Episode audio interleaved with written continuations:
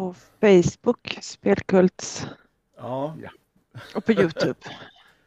Hej och välkomna. Nu är det live.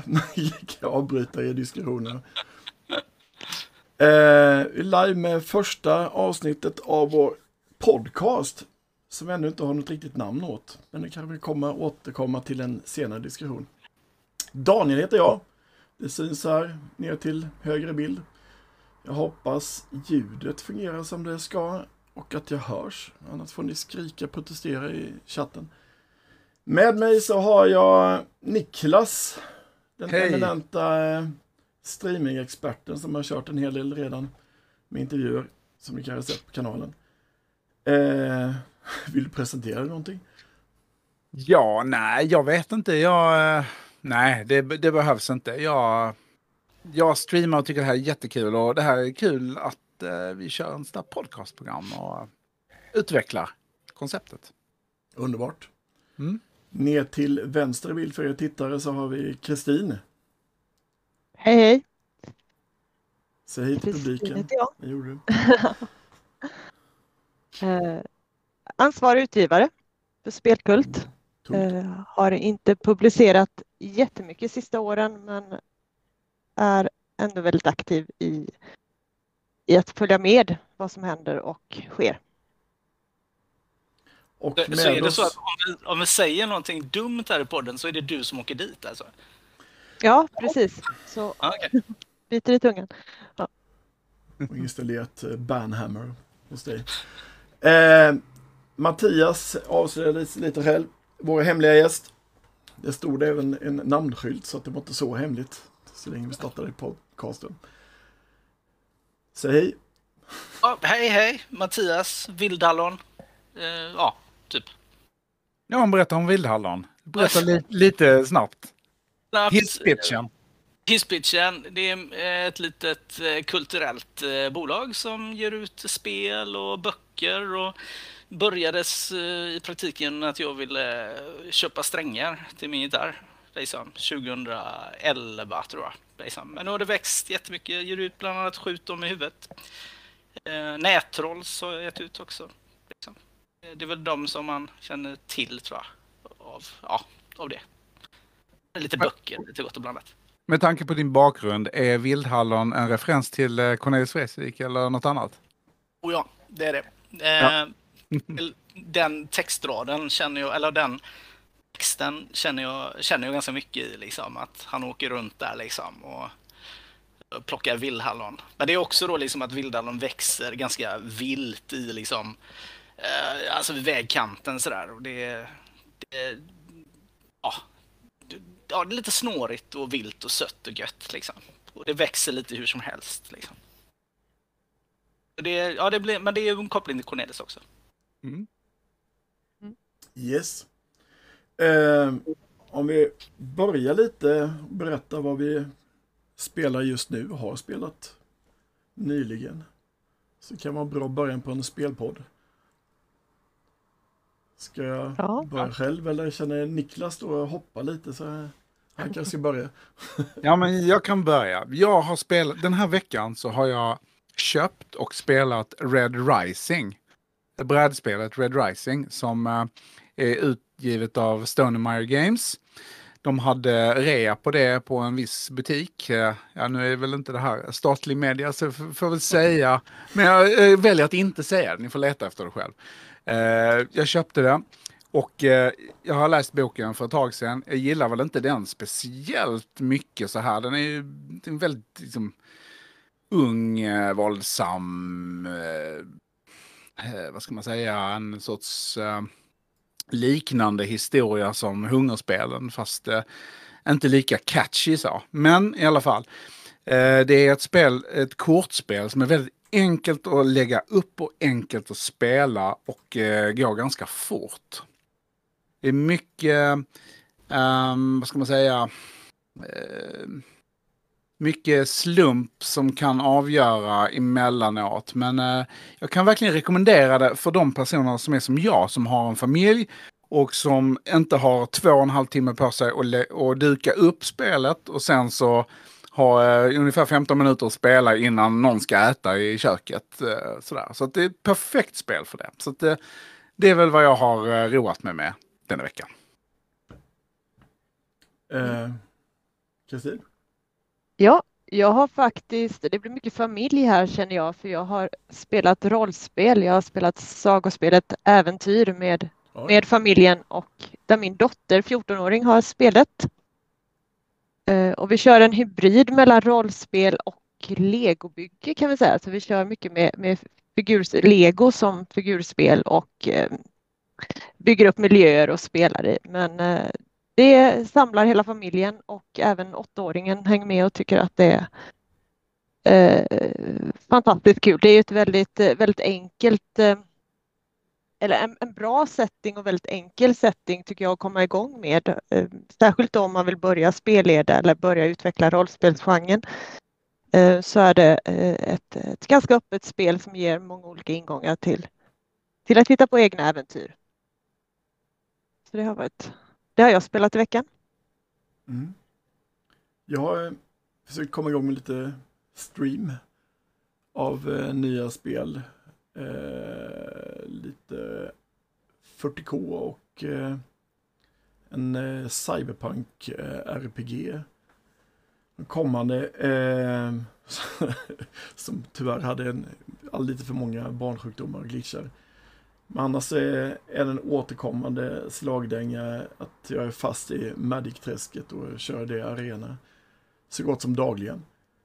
Eh, och det här eviga utvecklingsprojektet Star Citizen. Det går inte att släppa sig ifrån. Eh, så mycket fysiskt spel har det inte blivit överhuvudtaget tyvärr. Jag försöker köra lite barnspel.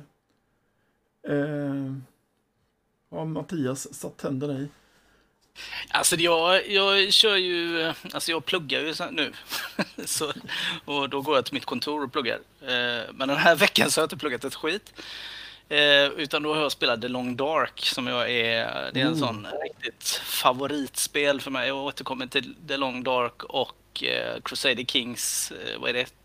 Det är två, två. Sådär. Den, den riktiga, alltså, jag har alla eh, expansioner till Crusader Kings och har spelat det på kors och tvärs och börjat på minsta lilla. Jag älskar ju att börja som, i något litet hertigdöme i, på Irland liksom. Och så växer man. Eh, Och, Där är vi något gemensamt ska jag säga. Mm. Jag älskar Crusader Kings 2 också. Ja, det, alltså, det är ju sånt fruktansvärt bra spel. Tills man kommer till den här att det blir för stort liksom. Då, då, tycker jag liksom, då blir det så här tråkigt. Det- Men det är alltid just den här kämpandet upp, eh, det gillar jag. Men The Long Dark, jag, jag kör på det näst svåraste och så Open. Men är, är det klart nu? Jag, jag backade på Kickstarten och det kändes som det aldrig skulle bli klart. Det tog ju, blev försenat med hur många år som helst. Och Jo, senast alltså- jag kollade så var det så var det inte helt färdigt. Det var fortfarande bara lite halvt öppet spelläge. Det skulle varit en story, sen skulle det bli klar. Som en kampanj egentligen. Men storyn finns, det är ju dålig. Eh, den är, jag tror det är tre eh, avsnitt på den storyn. Men alltså, jag tycker inte, det är inte story, storyn är ju fin och sådär, det, det är den. Men jag, tycker det roligaste är ju att, att, börja i överlevnadsläge. Och det har ju blivit väldigt mycket svårare nu. Det har kommit Svårare! Mer, ja, Alltså jag, jag gav nästan upp för att det var så omöjligt svårt. Man hittade ingenting, hade ingenting att börja med. Och man förfrös för det är mitt i vintern. Ja. Och man har ingen mat. Och, eh, liksom, och ingen vätska. och allting bara är jättekallt. Och man tände eld på allting man hittar bara för att kunna få göra en brasa.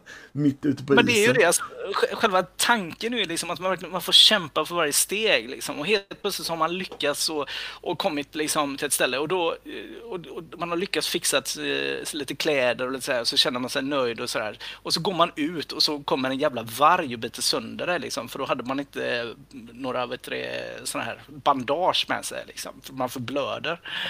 Eh, Alltså det, det är fruktansvärt bra, helt enkelt. Och så har man lagt jättemycket tid, man verkligen börjar känna med sin karaktär, man känner liksom att man har, har kämpat sig upp och sen bara, ja men så dör man. Det är bara bra. Där spel. Va? Isärspel. Ja, alltså fruktansvärt bra spel. Ja, Fruktansvärt men ja, det, det där påminner mig lite grann om ett spel som jag har, har testat lite. eh, This War of Mine. Känner ni Ja. till det? Ja, Absolut. Det låter som det. Där, där, eh, det och och det, det som var kul med det spelet det var att när jag, när jag letade efter information på det så, så hittade jag en massa intervjuer och en massa YouTube-klipp från amerikaner som hatar det här spelet. För att de vill ha liksom en happy ending på ett eller annat sätt överallt hela tiden i alla sina spel. Allting ska vara liksom sugarcoating på. Med, Medan eh, europeer eh, gillar det här spelet. Och det är väl utvecklat av eh, öst... Det är väl du, slovenskt. vet, du vet bakgrunden till det, eller?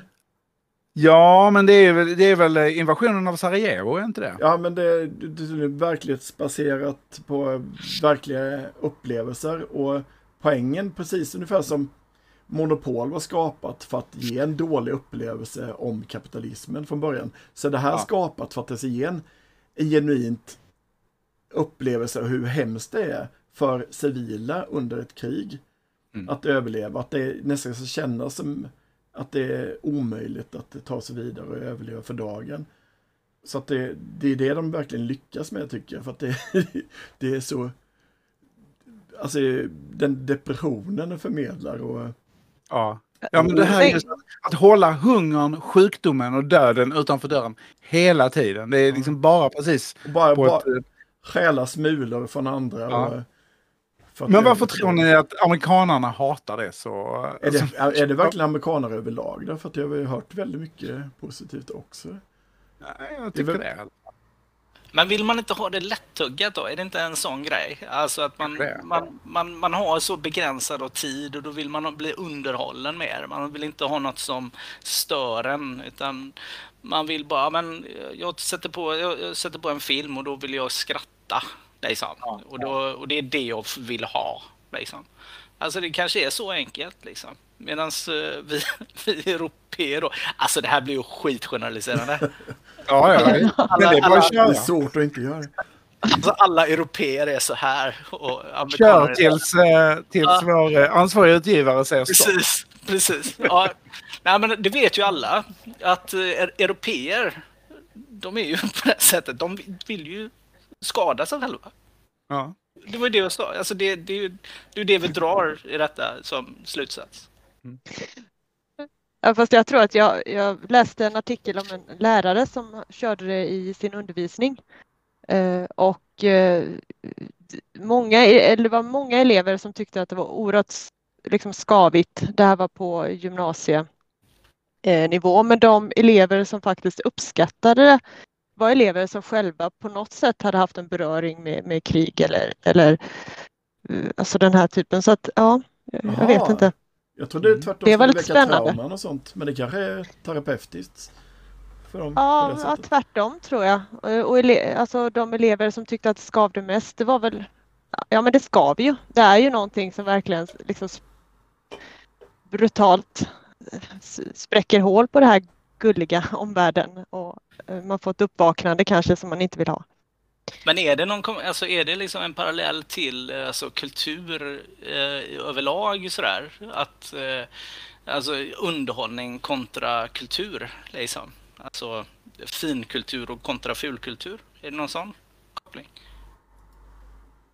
Ja, det blir det väl indirekt också. Som, eh, man slår sig för bröstet som europé då kanske också.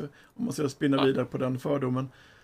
Eh, att det är Hollywood eh, kontra konstfilmer och sådana saker. Ja, det är lite det jag tänkte, det där franska svårmodet och eh, svartvita filmer och det där liksom. Argmansigt. Eller så söker man bara konflikter i det hela. Det. Eh, ska vi eh, fara pucken vidare till dina egna svårmodiga spel? Jag? Ja, Eller vem? Vildhallon. Jaha. Jag vet inte, det är eh, inte så många andra av oss som har gjort Ja, ja. egna spel. Nej. Ja, ja, egna spel. Kan du Eh, berätta om eh, Vildhallon? Vad, vad är det? Hur kom Ja. det projektet till från början? Alltså det, det var ju lite som jag sa väldigt snabbt där. Alltså jag eh, spelar ju band, jag är musiker, protestmusiker, trubadur, skriver texter, eh, punk, väldigt så här mental punkare liksom. Och då behövde jag någonting och eh, alltså, man fick spelningar så vill man ta det vitt och sådär. Och så arrangerar du mycket spelningar och framförallt då så vill jag ju då omvandla de här pengarna till prylar.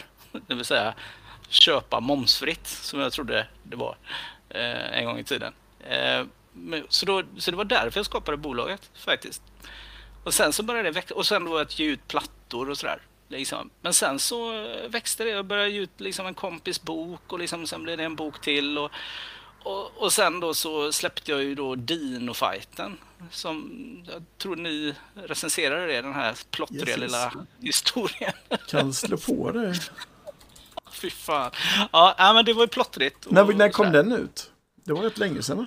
Ja, 20, alltså, 2015 var jag med i någon tävling. Jag skulle tippa på 2016. Eh, eller 2017, 2016 kanske. 2016, ja, det stämmer nog rätt bra. här. Eh, Kan, så.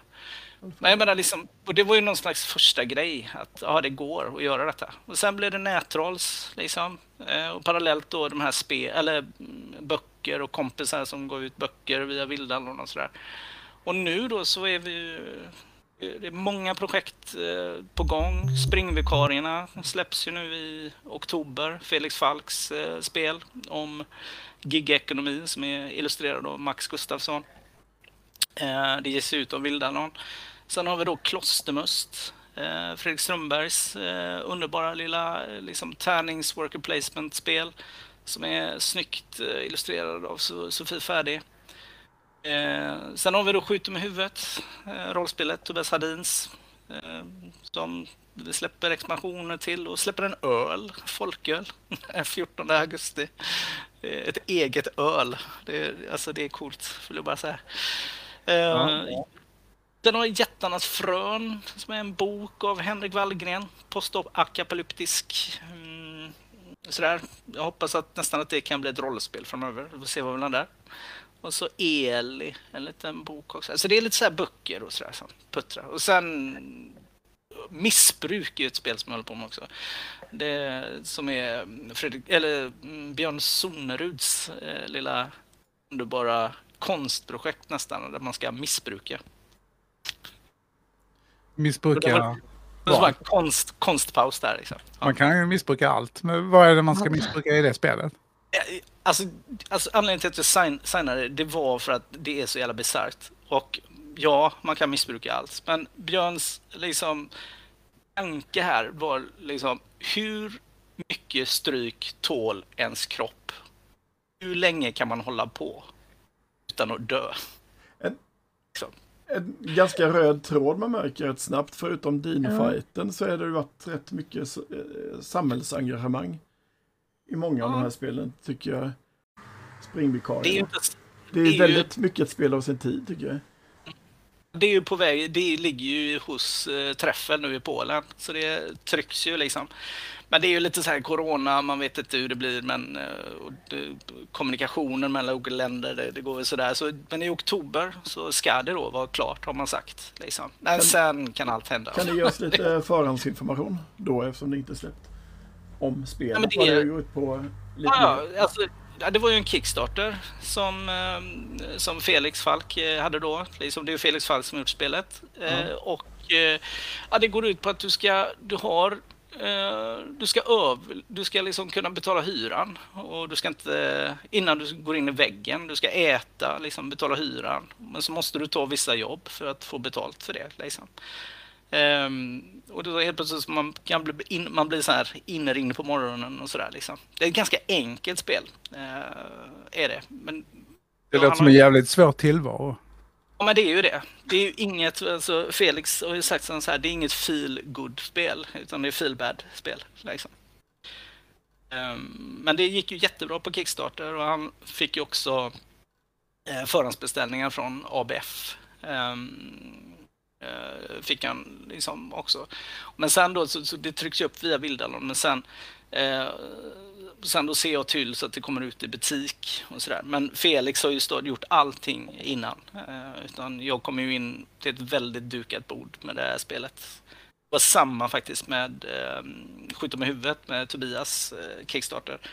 Eh, man kommer in liksom typ och hjälper bara till i slutet lite praktiskt taget. Där. Mitt arbete börjar sen praktiskt taget när det ska säljas på mässor. Och... Men eh, jag tänker det här spelet tidigare, Nättrolls. Eh, det har du gjort själv va? Ja, Ja, det, det är lite det är också väldigt lite samhällsengagemang om, Det har jag spelat. hat.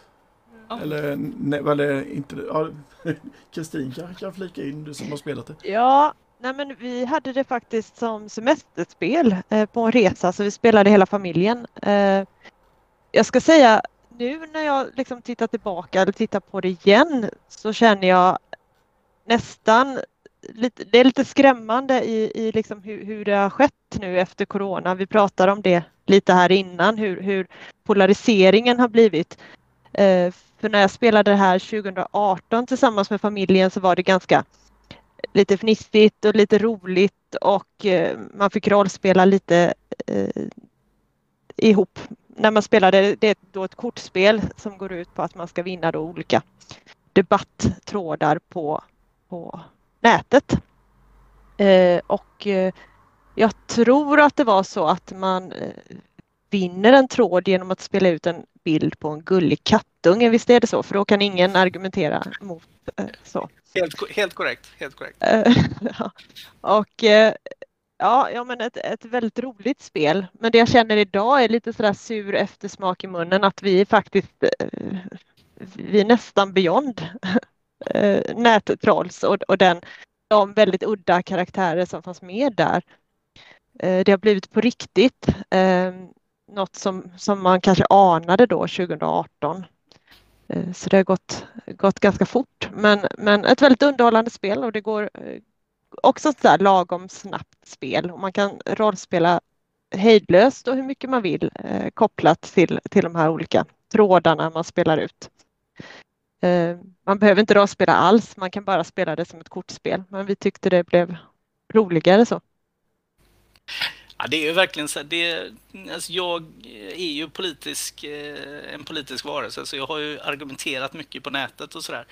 Och det var ju så Nättrolls kom till, att jag, eh, alltså, jag måste göra någonting av detta och alla dessa jävla idioter som jag möter på nätet. Och själv, själv sitter man själv där och näthatar liksom.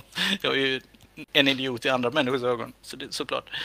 Eh, Men då, och då kände jag så här, så jag måste göra någonting åt det. Liksom. Men, så första upplagan då tryckte jag ju upp själv eh, via Vildalon i 500x. Och sen så eh, Eloso signade ju över det sen. Så nu eh, är ju då licensen ligger hos Eloso. Eh, Eloso förlag. Så, så Björn eh, eh, Flintberg tryckte upp då liksom, jag tror det var 2000 eller om det var 1 och 5 eh, extra X liksom av det. Så det ligger där och det är jätteroligt. Det, eh, men det, man, man sitter så här, det är ju, jag skulle ju gjort lite annorlunda i spelet om jag hade gjort det idag, tror jag. Eh, så här. Det är Vadå? lite tunt. Ja, men alltså, det är bara en sån här, det är sån här skönhetsfläckar. Liksom, att eh, kortikonerna ligger ju på höger sida, de borde ligga på vänster.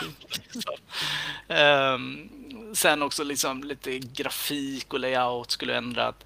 Ehm, kanske skulle filat lite mer på texterna. Eh, kanske lagt in några mer lite mer effekter, för det är väldigt enkelt spel. Man kanske skulle tweakat upp det lite. Ehm, sådär. Spelmekaniskt. Fast jag gillar det ändå, ja, Ja, ja. det enkla. Så det blir lite mer det, gamerspel menar du eller? alltså jag, jag hatar ju egentligen stora komplicerade spel. så, så jag gillar ju det enkla. Men jag tycker ändå att det är nästan lite för enkelt. Det eh, är, är det. Liksom. Jag skulle vilja mm, tweaka det lite till. Men å andra sidan, det, det är ju som sagt det är ju snabbspelat 20 minuter. Liksom. Eh, så det, frågan är om man skulle göra det mer kom, komplext, om man skulle förlora saker då. det kan ju vara så också. Du får väl börja släppa en massa expansioner så du Ja. kan liksom... eh, Alltså vi har pratat om detta. Jag- och Flintberg har pratat om detta, men vi har så jävla mycket annat för oss. Liksom. Men vi har faktiskt pratat om det. Eh, Jag hade ju också någon dröm att vi skulle få ut en engelsk version, eh, eller en amerikansk version, eh, när till och med Trump blev vald. Liksom. Alltså, eh, way back. Jag tror, jag tror det var eh, där i presidentvalet. Så jag tänkte så här, shit, vi måste ut med det i presidentvalet. Liksom. Men eh, vi hann inte det. Vi har ju så jävla mycket andra grejer att göra. Liksom. Det, det kommer alltid någon annan grej. alltså, skulle jag hellre vilja göra färdigt Baktor i så fall. Liksom. så det eh, skulle jag. Det är nytrycket av, eh, vad heter det, eh, Dinofighten. Där alla illustrationerna till det är ju klart. De är klara. Du Mattias, jag har en fråga till dig som är lite Ja. mer kanske generell men som, som, som är riktad till dig som förläggare. Hur, hur, hur, hur, hur ska man göra och tänka och jobba för att bevara spel som, som, eh, som man har gett ut? För, som, som jag förstår det så är det, det är ju väldigt dyrt att trycka upp spel. Det är, en, eh, det är ett lotteri om man får sålt dem eller inte, om man går jämnt ut eller om det, man går back. Eh, så att eh, många mindre spel som är väldigt bra, de, de, det blir liksom ingen second edition eller, eller ens en, en ytterligare upplaga av samma spel upptryckt. Så hur, hur ska man göra? Alltså det, det, det finns ju, man brukar väl säga att det finns två olika vägar att gå. Antingen då så trycker man det själv eh, i någon slags indie Antingen då så i indieupplaga, då finns det vissa ingångar att man kan ju trycka upp kartongen via Packly till exempel i eh, Italien. Man kan liksom, så som jag gjorde med Dino-fighten, liksom, man kan plocka olika komponenter från olika saker och då kan man faktiskt få ner priset lite.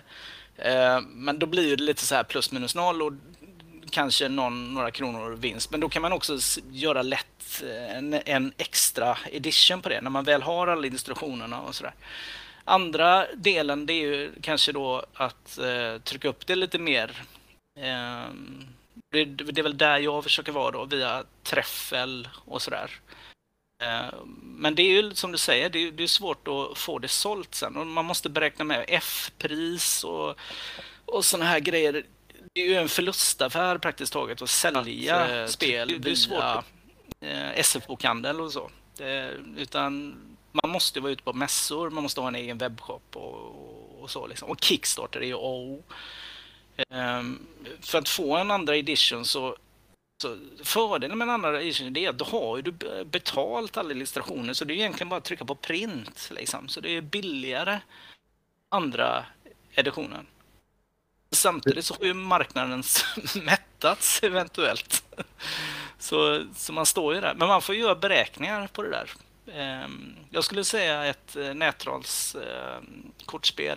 Alltså om man bara säger upptrycket på det går väl på 50 000 500x liksom.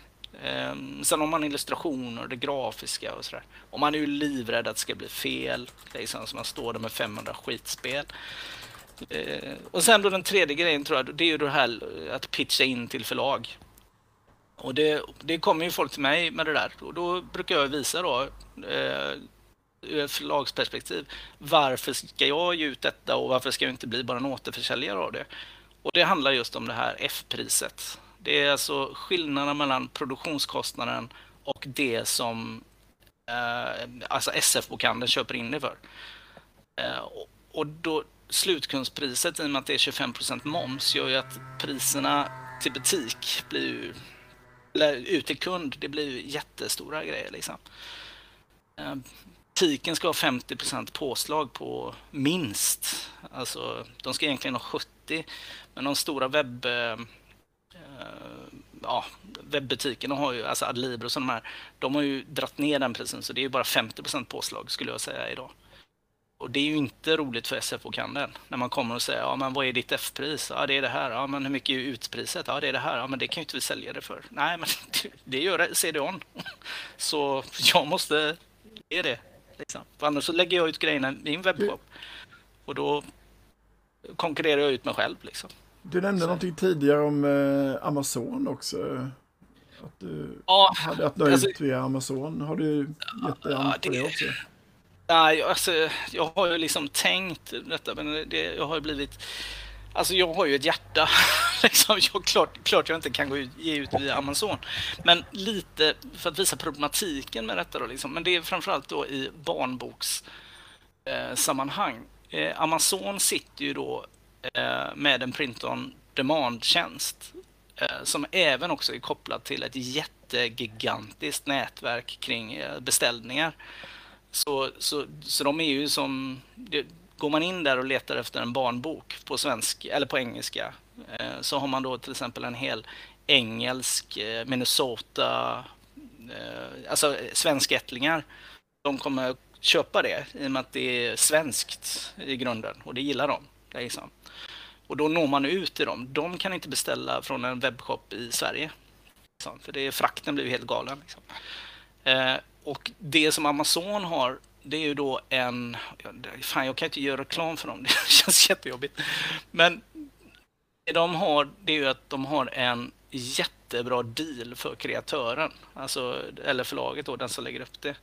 Eh, som är... Ja, I alltså- motsats till Alibris i Sverige då, eller vad menar du? Ja, den diskussionen, alltså den stämmer ju inte heller. Alltså, jag har ju bråkat på nätet om det där. Jag fattar inte Adlibris-grejen. Det, alltså, rent krasst så handlar det om att Adlibris vill inte vara ett, ha konventionsavtal, utan de vill att alla ska ha förlagssystemavtal, vilket är helt rimligt. Eh, och det är ju, alltså, ja, det är, det är en, där kan man, ja, jag kan ta den i storyn om du vill, men det är lite så. Ja, det, ja, men Amazon har en jättebra print on demand eh, som, som i praktiken går ut på att man tjänar ganska mycket på det jämfört med vad man skulle ha gjort. Liksom, om man skulle gjort detta på ett annat sätt. Om man jämför till exempel eh, de här andra då, Luleå och sådär, så, så är Amazons deal bättre. För de har hela marknaden också, man kan lätt beställa därifrån. Ja, Okej. Ja, det blir nog lite djupt för den här Ja. diskussionen. Ja. Ja, ja men precis. Men det jag tänker är så att man, jag kan ju inte lägga grejer där. Liksom. Det, jag, jag, jag, har, jag har pratat med folk om detta. För jag har liksom tänkt att göra det. För det, Min det, sambo sa, det jag tänkte annars, det var liksom eh, ändå snudda lite vid det här samhällsengagemanget. Mm. Och eh, hitta en segway vidare till det andra vi tänkte prata om eh, i förhållande till det här. Det vill säga den stora skandalen som eh, Blizzard har varit ute för. Om ni har läst på er om det. Det går inte Mm. riktigt att undvika vad som har hänt där. men ta, Ja. ta en sån snabb. Vad, vad handlar det om? Vad det handlar om? Ja, de har blivit stämda En som inte läser mejl. i ett antal delstater för riktigt vidrig nej, men- nej, men- personalpolicy. Precis. Kort handlar det om att Kaliforniens motsvarighet till Arbetsmiljöverket har ju lämnat in en stämningsansökan eh, eh, baserat då på de här eh, otroligt många vittnesmål om dåliga liksom, personalförhållanden. Rena trakasserier framför allt mot kvinnliga anställda. Och en osund kultur. 3000 medarbetare i på Activision Blizzard har, har stött det här eller har liksom undertecknat ett brev till ledningen att man måste ta tag i de här problemen. Eh, och ledningen har väl skött det sådär kan man väl säga. Eh, man har väl börjat ta tag i problemen nu men först så vill man lite grann eh, sopa det under mattan. Om inte Eh. jag har helt fel för mig så kulminerade ju det hela när, eh, när en eh, anställd begick självmord ganska Ja. nyligen. Eh, Efter att ha haft en relation med en högre chef eh, som har utnyttjat eh, den här kvinnan och att eh, det senare då har figurerat på, på fester och i personalsammanhang bilder på hennes könsorgan som har skickats omkring av eh, män. Eh, och eh, hö, hö, hö, liksom hela den kulturen. Eh, Eh, eh, och, eh, och efter det så, så, så eh, tog hon sitt liv. Ja. Alltså det, det har ju inte, de här vittnesmålen som jag har läst en del av, det är ju, det är ju inte en det är inte lite osund kultur utan det har varit otroligt grova saker som har försiggått kan man väl säga. Där den här eh, lockerrooms eh, kulturen är. Det har varit lite som man fyller Ålandsbåten eh, med, med massa sprit och eh, grabbar och så kastar man in några kvinnor där och, och så blir grabbarna påhejade av ledningen att, att köra på. Liksom det har varit nu, nu kan inte jag säga om det har varit i hela, inom hela bolaget eller inom vissa, liksom, det är ett gigantiskt bolag eller vissa grenar. Men det, De är organiserat det... walkout, eh, personalen också, och tidigare Blizzard-anställda har gjort motreaktioner med att försöka uppmuntra facklig verksamhet. Men, eh, men frågan är, men man ska nog inte sticka under stolen med att det är nog inte helt sunt i resten av branschen heller. Frågan är om det här är bara är toppen på ett isberg i, i resten av spelbranschen eller, eller branschen jag tror att företag är, överlag. Jag tror att det här, är, det här är bara toppen av ett isberg eller eh, kanske inte ens toppen utan eh, vi har bara sett en liten del av eh, vad som händer. Eh, I USA också ska man ju säga att eh, fackföreningsrörelsen är ju extremt svag i USA. Den är ju motarbetad, extremt motarbetad. Det finns, det finns ett par olika organisationer, så här, yrkesorganisationer som pysslar med lönestatistik och utbildningsstatistik och sånt här. Men det finns väldigt få som, som eh, arbetar med den här typen av frågor som rör liksom, de anställdas säkerhet, anst eh, anställdas arbetsmiljö och, och, så vidare. För givetvis så är det ju kapitalet som styr väldigt stora delar av USA, speciellt Kalifornien som liksom är som har den historia de har. Och dessutom så är ju det här också en bransch som är som, där det jobbar väldigt mycket unga människor med 18-19-åringar som eh, kanske kommer in på spel, de här spelföretagen, arbetar, de har aldrig någonsin varit med i ett fack, vet inte liksom riktigt hur man beter sig på en arbetsplats. Och de här människorna gör karriär och blir chefer för ytterligare människor som inte heller vet hur de ska bete sig. Så det, så det blir liksom en sorts snöbollseffekt, tror jag, eh, i denna branschen. Men det är förmodligen så att det här, det här försiggår i så många branscher. Det här är liksom ingenting nytt egentligen. Men och det är tragiskt att det också ska behöva gå så långt som till ett självmord för att, för att eh, detta ska liksom bringas upp i, eh, i, på, på liksom agendan eller på alla släppar. Tycker jag. Ja, precis, det här är ju tre år efter metoo också och jag tror att eh, det var, det var en ögonöppnare men det var bara en man öppnade någonting på glänt och sen så eh, kommer det, alltså jag tror att det finns, det kommer bli nödvändigt att sådana här saker, det är ju bra att det görs en genomlysning och det är fantastiskt bra att staten ändå agerar som de gör för det, det ska gå ganska långt då innan Arbetsmiljöverket eller motsvarande faktiskt agerar. Eh, men eh, sen återstår det väl att se, det som jag tycker är intressant är att se att alltså lite grann kan man ju följa företagens lönsamhet också. Eh, och eh, man kan väl säga att Blizzard, Activision Blizzard har ju visserligen en lönsamhet baserad på väldigt många eh, liksom stabila titlar, eh, gigantiska titlar med community, men de har ju kanske inte haft motsvarande lönsamhet som andra bolag eh, nu under pandemin till exempel, eh, utan det har gått, gått lite knackigare och det, ja, har man en osund arbetsmiljö och en osund kultur så kanske så på, påverkar lönsamheten väldigt mycket också resultatet. Eh, Tror vi att spelarna kommer eh, eh, alltså bry sig om det? Eller vill man bara spela sitt spel? Indirekt så tror du i alla fall bolaget att de eh, förlorar ekonomiskt, för, eller i alla fall goodwill tillräckligt för att eh, är det, vem är det vd eller vem var det som avgick nu nyligen i dagarna? Ja, det var det väl mycket till. Ja. Är det CEO? Ja. Eller? Uh, ja. President. President, okej. Okay. Jag ja, vad det nu innebär exakt vet jag inte. Men... Uh, han har väl varit uh, vd för, eller ja, president och vd är väl i princip samma, samma post. Om man inte har en, eh, ett, ett epitet eller ett, liksom en, en titel efter det. Men men han har ju varit chef där sedan 2012. Och han har ju blivit grovt anklagad i de här, eh, i de här eh, lawsuitsen som är filade mot företaget så figurerar ju han på väldigt många ställen. Eh, och han gick ju ut, eh, det var också, nu är jag inte, jag är inte helt insatt men, men jag vet att när det här precis hände så gick Blizzard Activision ut med ett statement som var väldigt märkligt eh, och i princip bara försvarade sig mot, eh, mot det här. Är det det här statement eller? Ja, nu vet jag inte om du ser här.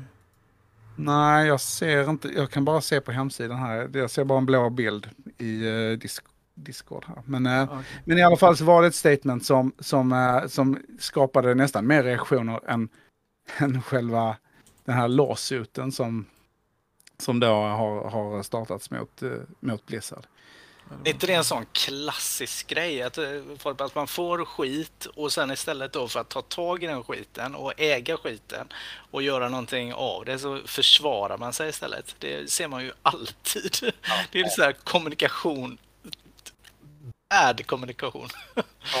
Liksom, Jag fattar inte varför man gör det. Liksom. Nej, och det känns ju som att det bara, det, det, det är så extremt ma- mallat. Liksom, det är en sån process. Någon blir anklagad, den, i, den avgår, eh, tillsätter två nya och säger att nu kommer det bli mycket bättre. Och sen så, sen så, sen så går, går liksom bara den här bollen runt. Man försöker liksom bara fibbla bort problemet.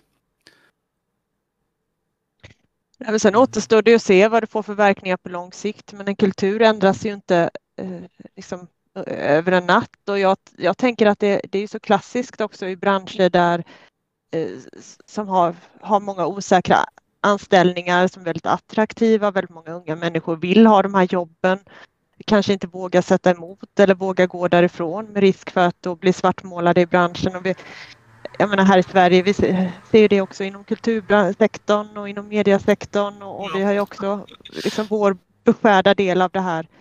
Eh, som, som, eh, och det är väl, jag tänker att hade det inte varit för metoo för några år sedan så kanske det inte ens hade uppmärksammats eh, så som det har gjort. Så att på något sätt så har vi ändå tagit steg framåt, tänker jag, men det är fortfarande långt kvar inom väldigt många olika branscher innan det här eh, sunkbeteendet är borta. Men sen ser det ju säkert väldigt olika ut också i olika länder beroende på där jag tror att, att det fackliga arbetet spelar en extremt eh, viktig roll i, eh, i, de, i de här sammanhangen. För, det, för facket där, som jag sa, det är yrkesorganisation som håller på med lönestatistik. Och det, det är ingen som har glädje av det. Och, eh, och att, att vara med i facket är liksom en sorts eh, socialist eh, eh, aktivitet. Och det pratas ju om överallt i USA. Liksom, att, att liksom, det är ju skytt som pesten. Liksom, och man försöker ju liksom dämpa allt vad som har med fack och, och liksom, arbetsrättsliga eh, organisationer att göra. Men jag tänker också så här, man, när man hör från USA så hör man ju också så här, alltså vänstervågen i USA är, har ju ökat ganska mm, stort de senaste åren. Liksom. Frågan är om alltså, kommer det kanske inte hänger med i själva facklig anslutning och sådär. Vad tror du? Så kommer det bli någon sån, eller är den så här socialiststämpeln så hård? Nej, jag, men jag tror det tar tid. Det tar tid, för eh, jag vet att eh, gräsrotsrörelsen, det som kallas för grassroots eh, movement i, i USA, den har ju växt, växt enormt mycket nu under, under de här, sen 2016 när Trump tog makten.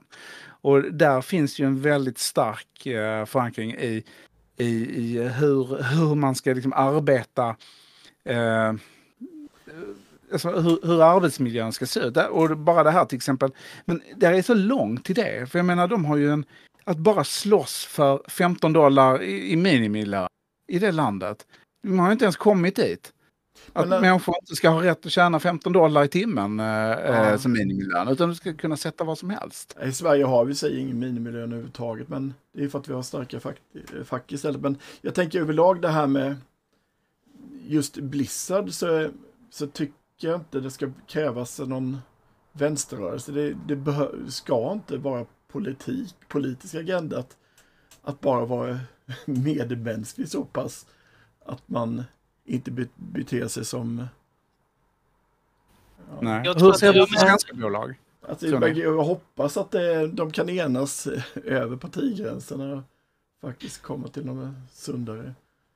Jag tror alltså, helt ärligt så tror jag att man landar i, alltså konsumenten, konsumenten skiter fullständigt i det. Alltså, alltså nu är jag jättehård.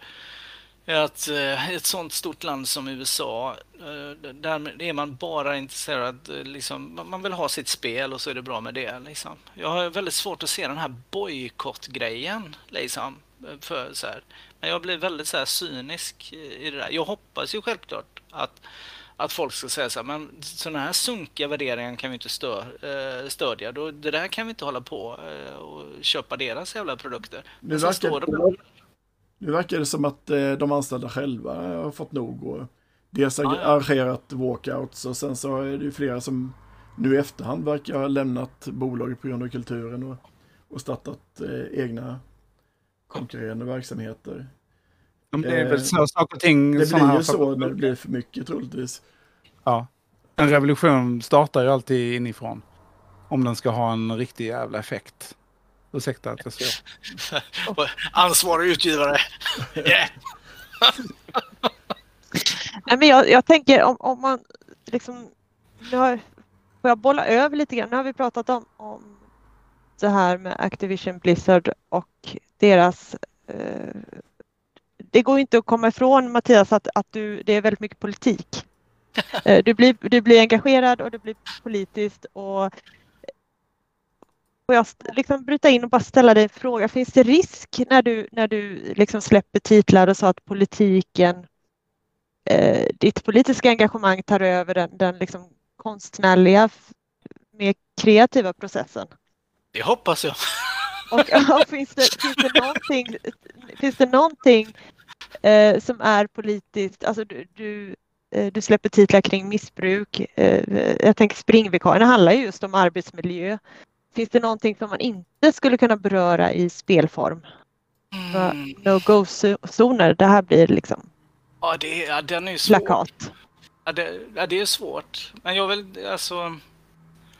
Jag tror att, eh, alltså med missbruk har jag ju landat i så här, det är ju...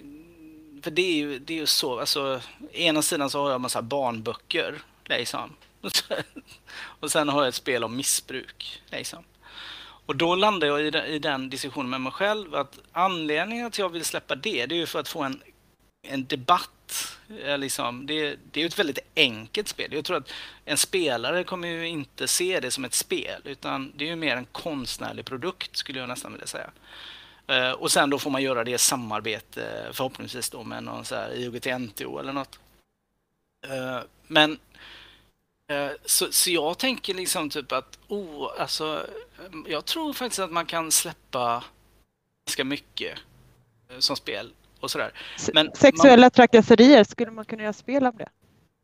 Så du, att man skulle göra sexuella trakasserier? Nej, nej. Eller ska det vara mot sexuella trakasserier? Men, men kan man göra spel om allting? Jag tänker mer som en öppen, Ehm, öppen Jag tror att, alltså, ja, Vildhallon kommer ju inte göra spel om allting. Det kommer jag inte göra. Det finns ju saker. Jag kommer inte göra ett hej eh, nazistspelet. Eh, Att eh, bli liksom, det fanns en sån här, ta hand om ett koncentrationsläger, en sån här klassisk så, spel som finns. Om det är på datorspel tror jag. Så här, jag skulle inte gjort något sånt spel. Liksom. Men däremot att göra det för att belysa någonting kanske. Det, det, det tycker jag är spännande. Lå- Eh. Men, men, men det, det måste ske på rätt sätt. Um, Låter, jävligt, lätt att bli, jävligt lätt att bli misstolkad i sånt här. Om man skulle eh, köra. Men jag tycker man ska försöka. Kanske inte nassespel och kanske inte ett, ett spel där man är Svenska Akademins eh, alltså gubb-gubb gubbe som tafsar.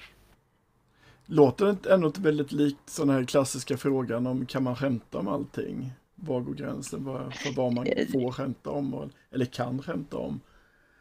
Eh, och Ja, vad, men lite. vad blir relevant? Var går gränsen för vad det går att göra spel om om man ändå gör något engagerande? Eh, vi har fått in en del frågor också eh, från chatten. Jag vet inte om det är någon som läser. Jag tror inte det. Eh, vi Ser kan bara börja- skärmar. Ja, men ni får gärna öppna upp ett fönster med, med chatten. Både, både? Facebook och YouTube ifall ni kan. För, eh, vi har nog för, försummat lite av tittarna. Eh, är Boardgamers eh, vid Nirama så ställde en fråga direkt till Mattias här. Eh, och han efterfrågar frågar Mattias om kulturarbetares situation. Ja. Smiley. Ja, då kan vi hålla på Josef. Ja, alltså, vi ska nog inte gå den vägen. Men, men man kan ju landa i att eh, kulturarbetare eh, alltså, är ju gig, gig-ekonomi-människor med bolag.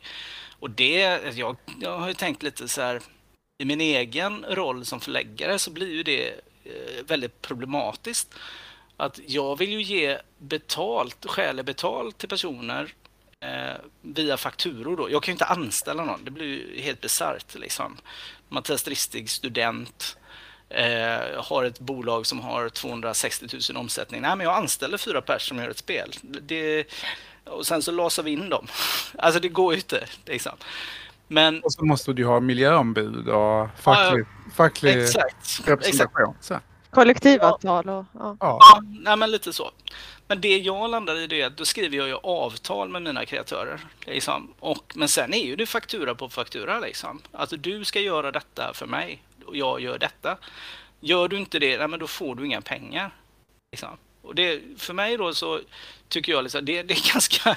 Jag har jobbat ideellt och sådär. Så det, jag gillar den kommunikationen. Den är ganska enkel. Du ska leverera detta, jag kommer ge dig detta. Så. Eh, men problemet tycker jag, det uppkommer ju där liksom att så kulturarbetare, vi konkurrerar ju med varandra om samma, eh, om olika kneg. Liksom. Och det finns ju minitariffer och grejer. Och jag kan inte hålla dem liksom, i alla lägen. Så jag har liksom illustratörer som kommer till mig och säger så ja ah, men jag ska ha detta och detta. Du, då går jag till Fiverr. Eh, jag får din bild för 1000 spänn eller 500 spänn. Eh, men jag vill ge dig pengar. Ja, men då dumpar jag ur priserna. Här är budgeten. Så, ja, men det där skulle inte du köpa om du själv var musiker och ska spela ute. Nej, det skulle inte jag ha gjort. Det är jätteproblematiskt. Och då är frågan så här, ska man ge ut det? Ja, vad är, till vilken kostnad? Kan man det. hålla ner priserna? För att eh, frågan är ifall det är, det är för billigt med brädspel för att kunna ge skäliga Det jag. ersättningar. jag det. Eh, och är folk beredda att betala vad, vad det skulle ha kostat? För att betala den tiden. Ja, Kickstarter har ju eh, har varit väldigt bra för jättemånga, med, för spelbranschen i stort och, och sådär, även för oss i Sverige. Men problemet har ju varit också att plång, alltså de som köper eller beställer via Kickstarter, de är ju vana vid att få eh, mycket plast, bra kvalitet och allt möjligt. Så, så man skiljer inte på en, en upplaga som är på 500x som jag liksom ligger i första läget upp till 1000, kanske 2000. Eh, De, skil, de, de skiljer inte det mellan 10 000. Liksom. Ja, men jag tycker Så det man- största problemet med Kickstarter det är liksom att anledningen till att det gräsrotsfinansiering fanns det var ju för att eh, de här som inte hade råd att nå ut och skulle kunna bygga upp en budget och kunna ge ut eh, spel.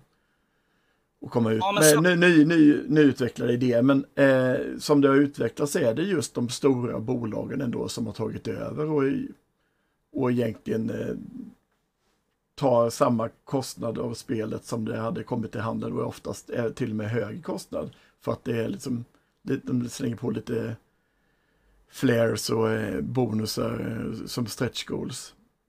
Men jag har egentligen inga problem med det. Jag, jag tycker liksom alltså, så fort vi börjar skilja mellan stora och små bolag, då är man väldigt sluttande plan. För hur, hur, hur ska man då dra den gränsen och vem ska göra det? Nej men för, Alltså- frågan är, eh, behöver de ens Kickstarter? Alltså, Risken är att de konkurrerar ut de som verkligen behöver det på Kickstarter. ja, alltså, De det- använder ju mer som ett PR. Ja, men ledsen att säga det, men vi lever i en marknadsekonomi än så Ja, länge. jo, jo. så jag har inga problem med det. Och, det, och de, Alltså bolag är ju, de, de vill ha ut sin skit. Liksom. Det spelar ingen roll om det är ett stort bolag eller ett litet bolag, de vill ha ut sin skit. Och det, då får man, det är de spelreglerna som gäller. Eh, är det så att ett stort bolag eh, tar ut det via Kickstarter, fine. Får man ju, men man måste ju, som kund måste man ju veta det är det jag tänker, det är med kundens uppgift att faktiskt ha med det i bakhuvudet. Jag kan inte kräva samma sak av den här kreatören som kan kräva av en kreatör som har 40 anställda. Liksom. Det, det, det är två olika grejer. Men däremot så får ju alla vara på den här plattformen. Det vore jättemärkligt om vi skulle börja peka finger på de här stora för att de är där. Liksom. Det, det tycker jag också. Ja, nej, nej. Ja, men det känns, alltså, tycker inte du det känns? Jag tycker det känns som att de går runt med en kollektask eh, och ber om donationer när de egentligen skulle kunna gett ut det själva.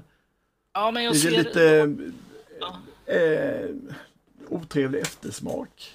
Men jag kan sätt. också se det ur ett perspektiv där det, är som en, det blir lite grann en snöbollseffekt för de mm. små. För eh, de stora bolagen drar ju säkert också dit en stor publik som, som kanske backar de stora. Men men att de också, eh, det finns flertalet av de backersarna som också hittar de här lite mindre. För det finns, om du är intresserad av de här så kanske det finns den här också. Kanske du gillar den här också. Och så på något sätt att eh, det är inte bara negativt tror jag. För att eh, folk verkar ju ändå ha oändligt mycket pengar i den här hobbyn. Oh ja. Men alltså jag tänker, jag, jag, vill, jag, vill, spinna på lite på det. För jag tror att det, jag, jag, vill, jag vill lägga inte fokuset på de här bolagen eh, eller kreatörer. För det är kreatörer, vi använder dem oavsett om de är stora eller små så använder vi dem de vägar vi kan. Sen får vi ju göra liksom moraliska avvägningar. Jag, gör, jag, jag ska inte vara på Amazon. Eh, där gör jag en sån moralisk. När Kickstarter hade sin, eh, sin eh, fackliga schism där liksom, då la inte jag upp någonting i det. Liksom. Och jag, jag, gick till och med och uttalade mig om det som företag. Sådär. Men det jag tycker är eh, däremot intressant, det är ju då hur får vi alltså och Pleti, alltså hur når, hur når vi utanför spelhobbyn på Kickstarter? För det tycker jag är ett reellt problem. För de som är på Kickstarter, det är redan de frälsta. Eh, Tror du det? Ska, ja, oh ja. Det är liksom det är inte liksom eh, morsan i vet du, Ullared som går in och... Men, eh, men är det inte redan eh, majoritet som egentligen indirekt, även ifall de inte känner till det själva, är uppslukade av spel? För Jag att, tänker... för exempel Exploding Kitten och sånt. Kittens, sådana spel har ju nått ut långt över spelnördarna. Jag, jag vill nog säga att inte via Kickstarter från första läget. Eh, så skulle jag väl nog säga. Eh, och det, jag har ingenting som backar upp det påståendet förutom lite härlig kan känsla. Kan vi gräva lite till nästa avsnitt kanske? ja, gör det. Jag har, jag har en, en känsla av att det är mycket mer än vad man tror som faktiskt backar på Kickstarter. För min erfarenhet är ju snarare att eh, man vet inte vad det är. Varför ska man lägga in sina vet du, kontouppgifter här? Man förstår inte det här systemet med pledge-nivåer och sådär och man tror att direkt man har betalt in pengarna så vad är min produkt? Liksom. Prokrast. Eh, jag vill bara ta en snabb eh, läsarkommentar igen här. Procrastinator, jag tror det är Frank, skriver att angående Kickstarter, frågan är var gränsen går innan backare tycker att det är värt att ta de stora bolagens risk. Innan backare tycker att det inte skulle behöva ta någon större bolagens risk, menar han. Eh, för att det, det är ju en risk att backa också kan jag tänka. Det är ju inte en, ett förköp. Nej, det handlar men jag om. Tror att, jag tror att en backare, eh, jag vet inte om det är det som riktigt är frågan, men en backare backar ju hellre ett stort företag som vet att ja, men de här har ju trots allt 40 anställda, de kommer nog få ut den här skiten. um, än ett litet. Säker leverans. Liksom. Mm, säker leverans. Jag, jag, jag, kan nog lite hålla med. Jag är inte riktigt inne på din linje Daniel. Jag tror att det... Jag, jag, tror inte alla är på Kickstarter. Jag är till exempel inte där, men det handlar om att jag har andra i familjen som är där och kickstartar mina grejer. Men, men äh, min... Jag har alltså mina vänner utanför spelhobbyn är definitivt inte på Kickstarter och, skulle, och tycker nog att det är lite suspekt. Och de kanske snarare då hittar liksom hitta, hitta sina spel i spelhyllan. Eh, Japp. I matbutiken eller i, i liksom varuhuset eller någon, någon annanstans. Och det, jag, jag fattar att det, det, är jättesvårt att nå ut om man inte är monopol. Liksom. Eh, och, och, köper också ganska liksom, kanske traditionella kort. Så, så, så, här, här är väl vi på Spelkult också en, ett uppdrag tänker jag framöver. Att, att mm. hitta vägar att nå ut. Jag tyckte det var spännande med så här, det kom, jag ser ju inte de här frågorna som kommer in. Det, det, det är kul. Om det har kommit några, det, det, var en kul interaktivitet. Fräckt. Ja, men det, det är bara tappa en webbläsare och så kan titta. Det är ingen som hindrar dig medan du har discorden igång. Att vad, göra det. Det stänger inte ner din bild. Eh, jo, jag hade en fråga också eh, till eh, Mattias. Eh, om, om, om man skulle ta så mycket betalt så att alla blev nöjda med sin ersättning. Och hur mycket skulle spel, spelet kosta då gånger, gånger eh, priset idag? Hur långt är ett snöre? det kan vara hur långt som helst. Ja, alltså det, det, är en jättesvår fråga för det beror ju på hur många illustrationer det är. Ja, eh, nej, men jag tänker mig om du tar en, eh, en av dina produktioner och och så har du fått tulla förmodligen på massor av olika saker som eh, där ersättning skulle behövas eller det kanske skulle vara ett dyrare tryck där och det skulle vara detta här liksom för, för, liksom, för det som... Ja, men för du pratade ju om det här med ersättningar, att eh, de går till Fiverr, man måste gå till Fiverr istället. De, här, om, om du skulle betala alla vad de begärde och som förmodligen är, är liksom rättvis betalning. Alltså jag försöker ju, alltså jag försöker ändå vara relativt... Priserna var dubbelt så mycket, dubbelt så dyra, tre gånger så dyra. Ja, jag skulle nog säga tre gånger. Eh, men, men jag försöker ju ändå, jag, jag har försökt hitta en eh, medelväg där. Jag försöker ju erbjuda mina kreatörer så långt det är möjligt att eh, man delar då liksom i eh, efter break någonstans. Om det är många illustrationer och sådär, då, då, då försöker jag få till sådana eh, dealar liksom. Eh, men det är ju, alltså, folk kan ju inte betala hyran med någonting som eventuellt kommer i framtiden. Så jag förstår att man inte tar det. Eh, vid något tillfälle så har jag ju faktiskt gjort så att jag har sagt så här, absolut, du, du vill ha den här kostnaden, eller det här betalt. Det kommer inte jag ge dig eh, nu. Men är det så att det här blir en andra upplaga eller tredje upplaga, då får du det. Liksom. Eh, då kommer vi upp till den nivån. Men det, alltså, det är så jävla problematiskt det där. För det, det blir en sån konflikt i en själv. Liksom. Ena sidan så vill man ha ut grejer. Eh, å andra sidan så vill man också att alla ska få betalt. Man vill också stötta liksom, typ svenska tecknare då till exempel i det här fallet.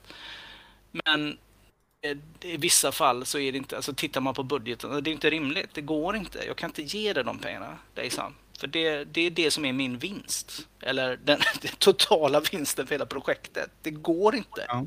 Liksom. Glöm det. Liksom. Och, men det blir problematiskt. Liksom. Och då och så kan man antingen säga så här, ja men okej, ja, då ska man inte ge ut spel. Ska man inte, alltså fan, för då, då dumpar man priserna. Jag håller med det. Jag kan hålla det. Och, och då landar det tyvärr i att ja, men då är det bara de stora aktörerna som gör detta. Man, man kan ju säga ett stort bokförlag som finns i Sverige. Vi behöver inte nämna namn. Så. Börjar på B, eh, slutar på Eh, som, som då har liksom överlag eh, alltså, alltså, efter vad jag förstår, liksom, dumpat royaltypriserna ganska rejält. Liksom från 25-procentiga dealar till 5, 10, 5. Det är liksom för att det inte finns sådana generella avtal med Författarförbundet längre som gäller. Eh, så det, men, ja. Jag, det är inte, jag tycker inte detta är lätt. Jag tycker inte det är lätt att vara schysst i den här branschen. Och det är inte roligt. Någonstans så landar man ju då i att ja, men då får man ju då ta betalt liksom, av kunden då. För antingen är det då kreatören som betalar eller så är det kunden någonstans. Eller, eller, så, är det någon, eller så är det affären eller någon annan liksom, som kommer betala den skillnaden. Liksom. Någon måste betala. Jag skulle nog vilja lägga det på kunden, men kunden är inte beredd att betala det. Nu har ju eh, Fantasy Flight släpper ju sitt Des Descent 3 som är det här brädspelet som är enormt stort nu som, är, som då med all sannolikhet kommer att kosta drygt över 2000 kronor svenska. Det, det höjer de ribban tror du? Eller, eller är Men, det eh, liksom... Har de börjat på Kickstarter menar du nu? För att de har ju hållit sig förhållandevis ifrån Kickstarter tidigare. Nej, det är inte Kickstarter, men eh, rent prismässigt så Ah, liksom, okej. är det nog det dyraste spelet, brädspelet som Gloomhaven var ju, hade ju ett saftigt pris och en jättestor box såklart. Liksom. Men, eh, men om det liksom på något sätt höjer priserna Ah, priserna. för- för, eh, för, för brädspel generellt. För jag, jag, tycker, jag kommer ihåg eh, när mobiltelefonerna, det fanns ju en tid när mobiltelefoner till exempel var väldigt, väldigt billiga. Då vill folk ha den billigaste då, mobiltelefonen som fanns. Nu, och sen, sen några år senare så, så, så kämp, kämpar alla, så nu kostar alla mobiltelefoner 10 000 kronor som är någonting att ha. Och de bara ökar och eskalerar efter varandra. Kan, kan det bli något sånt med rollspel, eller brädspel också tror jag? Men det har väl redan blivit det. Det är väl det som de stora hajarna slår mynt av. För att eh, gamers ska börja komma till åren och många vill ju ha deluxe-versioner och så här unika jag- versioner. Jag sådär. tänker så också, det finns en lyxmarknad nu. Det är likadant inom live, rollspel eller vad det än är, så finns det ett lyxsegment där, där det nästan eh, får kosta eh, hur mycket som helst, bara liksom det finns där rätt kvalitet eller, eller lyxig förpackning eller ja. Det är väl ett tecken på det Coriolis och de här liven också. Där man betalar det hela paketet att få en, en upplevelse. Ja, Ja, och man, man kommer lite till åren, man vill inte bo i tält längre, man vill bo och äta gott och ha lite lyxsemester samtidigt. Jag tror det, det handlar lite om bekvämligheten och, och att, att eh, eh, ja men, men är man äldre så har man mer pengar också att spendera på sin hobby. Det finns ju lyxkonvent också. Som, är, har ni åkt iväg på det där värdshus? Eller vad heter det? Hotell... Eh, Eh, hotellkonventet. Med brädspelskonvent. Med spa. nej, nej, det har jag inte varit på. Eh, jag men, kommer inte ihåg vad det eh, heter just nu. Bara.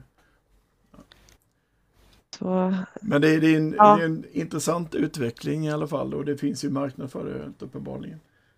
Men jag tänker så här, nu är jag liksom väldigt som motvalls, känner jag. Men alltså marknad, absolut. Men vilken marknad, vilka, vilken eh, målgrupp pratar vi om här? Pratar vi om eh, de insnöade brädspelsmänniskorna? Absolut, de kommer köpa det. Eh, Kalle Banan som, som man möter på en mässa kommer inte köpa det. nej, jag tror det, det finns olika segment och olika målgrupper och det, ja. Mm. Jag tänkte fråga, alltså vi har tjatat nog egentligen om den här pandemin som har varit nu, men, men eh, Ja, just det. bara, bara, bara en snabb fråga, hur har den förändrat ert spelande och eh, vad ser ni mest fram emot när, när den släpper eller när restriktionerna släpper? Um, Niklas? Jag tar- Niklas, Eller, ja. Ja, Niklas, Niklas, Niklas, Ja. ta det. Jag har, eh, jag, jag har börjat spela på, eh, eh, på Tabletop Simulator. Eh, en del. Eh, jag spelade tidigare fys fysiskt med, med vissa vänner. Eh, men eh, det, har, det har påverkat mig väldigt positivt i den bemärkelsen att jag spelar många fler olika spel med människor från hela världen i princip. Eh, jag har två barn och familj och kan inte bara gå iväg och vara borta en halv dag och sätta mig och spela någonstans med, med några vänner. Det funkar inte liksom riktigt i min vardag. Men eh, Tabletop Simulator och andra sådana här eh, Board Game Arena och eh, Tabletopia, de här, de har underlättat detta. Och det har, framförallt, jag är ju ganska nördig när det gäller att spela på nätet och, och gillar det. Men jag har blivit mycket mer van och framförallt alla andra har blivit mycket mer vana vid att umgås på ett lite mer naturligt sätt. Det är inte sådär att man sätter sig framför, framför datorn. Så det har, det har påverkat det har gjort att jag har spelat mycket, mycket, mycket mer än vad jag gjorde innan pandemin. Eh, men jag hoppas givetvis och längtar efter att få sitta med folk eh, då och då och spela pratar jag brädspel och rollspel framför allt. Vi har en rollspelsgrupp som har, som har spelat eh, Delta Green och Call of Cthulhu i, i ett par år. Eh, men det senaste året och lite till så har vi spelat online och äntligen känns det som att vi har fått en känsla i det där. Så det är gött det också. Mm. Ja. Mattias, hade du? Ja, alltså jag, jag måste säga så att eh, jag, jag, spelar, jag har sagt det i andra poddar, så här, jag spelar ju aldrig, jag har inte tid med det. Liksom. Men eh, jag och min sambo, vi har ju en stor, jag, jag har köpt på en massa brädspel som vi aldrig hinner spela. Eh, så vi sitter ju och betar av den här för att sälja av Men, till slut. Jag måste avbryta. Ja. Är det inte tabu att säga som spelutvecklare och spelbolag ja, det... att man inte spelar själv? Någon ja, alltså... eller har du verkligen tappat intresset för det också? Never taste the merchandise. Never taste the merchandise. Du, men du Nej, men... håller ju på, säkert på och uh, speltestar din egen produktion till döddagar. Jo, det är klart. Det är klart. Men det... jo, det är klart. Hur går det med gruvan förresten? Uh, Backdoor, det går jättebra, tack. Ja, men det var ju en sån, ehm, jag sa ju det, liksom, ja, det, det, skulle jag verkligen vilja göra någonting åt. Sist vi pratade så pratade jag och Daniel Lett om det där, eh, att vi borde eh, eh, ja, raska tag i det där projektet. Men det, återigen, alltså det är tid liksom. Det är inte så mycket vilja och sådär. Viljan finns. Baktor är ju klart, liksom, eller gruvan, det är klart. Det ska bara slängas på illustrationer och det... Jag har ju som ambition att det ska ges ut i Sagaspelets äventyrsvärld, men uh, det ska till. Det är så fruktansvärt mycket andra grejer som ska ut också. Så mina egna projekt äh, har ju liksom fått stå tillbaka för till exempel då klostermust, missbruk, Eh, springvikarierna, Snill och skrivkramp, Felix Spel. Eh, och säkert några fler som ligger där och puttrar också. Liksom. Eh, ja, det, det, är några som ska ut också och Dinofighten ska ut sen också. Eh, så, så, det, är inte, det hinns inte med helt enkelt. Men pandemin, för att återgå till det. Pandemin har varit jättebra för mig. för, då, för då hinner jag faktiskt göra de här andra projekten som Eh, jag ska göra istället för att eh, springa runt och på mässor och grejer. Liksom. Så. så det har varit bra för i ett förlagsperspektiv faktiskt att ta både, alltså ett och ett halvt år nästan som en ett utvecklingsperiod. Och webbshoppen har faktiskt eh, tagit trä, liksom tagit upp den försäljningen som jag också har eh, när jag är ute på mässor. Jag säljer väldigt bra på mässor, men webbshoppen säljer fruktansvärt bra i år och förra året. Så det är väldigt roligt. Mm. Um, vad var frågan? Förändrade spelbeteendet. Ja, just det. Ja. Men eh, eh, jag känner ju att jag mest har skurit ner på spelandet. Framförallt det fysiska har ju helt blivit avknoppat. Jag har inte varit några brädspelsträffar överhuvudtaget och inget figurspelande heller. Och lajvande var det, hade minimerat rätt mycket redan innan men nu är det helt dött. Eh, det var ju plan för mig i alla fall att ta tag i lite virt eller virtuellt digitalt rollspelande eh, via streamen. det har aldrig riktigt kommit till kritan. Jag känns, känner inte riktigt lika mycket för det heller. För, men det kanske är mina fördomar om hur man, hur man rollspelar via webbkamera. Eh, annars eh, har det såklart ökat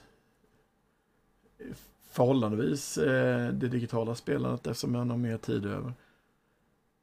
Det är så det blir när rent naturligt. Frågan är om det kommer fortsätta till samma grad. Och hur folk kommer behålla sina beteenden efter pandemin. till en del tänker jag att, eh, att det kommer att fortsätta. Eh, jag har väl lite som du Daniel, alltså jag, jag lajvar ju, eller inte särskilt ofta, men då och då åker jag iväg och det har ju varit totalt, eh, totalt stopp. Jag är inte så, jag har inte spelat mycket alls och det har nog att göra med att man sitter alltså, hemma och arbetar varje dag framför en skärm och man vill göra någonting annat när, när dagen är slut så tror jag. Eh, däremot har jag grottat ner mig lite grann i texter. Eh, dels har vi spelat lite i familjen. Vi har testat eh, också skjut dem i huvudet fast jag kan inte med att säga det till mina barn. För de har varit med så att det heter en snällare variant hemma hos oss. Men Klappa dem på skallen. vi gör återigen lite sådär figurspels, rollspels, bygger städer av eh, mjölkkartonger och sånt där. Eh, leker med lego och spelar. Eh, så det har jag gjort lite grann, spelat med familjen. Eh, men sen har jag också läst Call of Cthulhu till exempel och börjat skriva lite på egna scenarier och gjort lite, lite research och sånt liksom, på andra sidan. Men jag har inte kommit dit än att jag har spelat rollspel digitalt. Jag har inte riktigt vågat testa det. Men det ska ju funka säger du Niklas. Så ja, får... det funkar väldigt bra faktiskt. Mm. Vi, Hoppar in där bara och säger väldigt snabbt, eh, liksom, apropå skjuta med huvudet. Alltså, skriv scenario. Vi vill gärna plocka in dem. Eh, kolla på Vildhandlarns hemsida. Vi ska ge ut eh, liksom litet fanzin av olika alster har vi tänkt, jag och Tobias. Så, Förlåt Niklas, jag bara hoppade in. Nej, men jag eh, tänkte också bara följa upp där att eh, när jag... Nu, jag har inte läst eller spelat Skjut med huvudet, eh, men jag tycker det känns lite grann som att spela en serietidning. En, en, en så att den typen av spel, sådana här liksom zombie-apokalypsspel, blir gärna ganska taktiska av något anledning. Men du vet så här ett grid där man, där man flyttar gubbar så här. Men ert känns som ett väldigt narrativt actionspel. Måste ju säga, Tobias Hadin är ju ett geni, det säger jag varje gång. Liksom. Alltså det är ju han som, har, som ska ha el, hela äran på det där. Alltså det är ju fruktansvärt bra så känsla i det spelet. Liksom. Så, mm. Mm. Ja, kul. Ja. Jag kommer att läsa Jag vill inte avbryta mm. men det känns som... Jo, någon gång lite... får vi nog... det känns som det blir lite längre än vad vi var planerat. Vi sa kanske ja. en halvtimme, en timme var max och vi har Klockan är kvart över elva. Ja, för tittarnas eh, skull. För tittarnas skull. Vi kan nog hålla på och tjata ett tag till. Eh, jag vet inte vad som är rimligt. Det är första gången jag kör det här. Vilken tid tycker lyssnarna är, är intressant? Och är det... Ja, är det någon som, som kan ha en uppfattning om vad de tycker, hur långt ska det vara och vilken tid ska det börja? Vi kan, kan lägga ut en, eh, en poll, en omröstning om det. Eh, så då, förlänger vi inte det här ytterligare. Jag fattar fortfarande inte vart man läser chatten. Vad, vad gör man det? Liksom? ja, det får vi kanske köra en liten genomgång för nästa gång. Men annars får jag tacka för att du tog dig tid att komma hit en fredagkväll. Eh, Mattias och tacka övriga redaktionen för en intressant speldiskussion. Det blev väldigt Absolut. mycket politik och det var lite förberedd på ändå eftersom det hade Mattias med på tråden. Får se vilken gäst vi väljer nästa gång. Ja. Eh, så jag önskar en trevlig spelhelg. Tack detsamma. Tack. Tack. Hej då. Tack för mig. Hej då.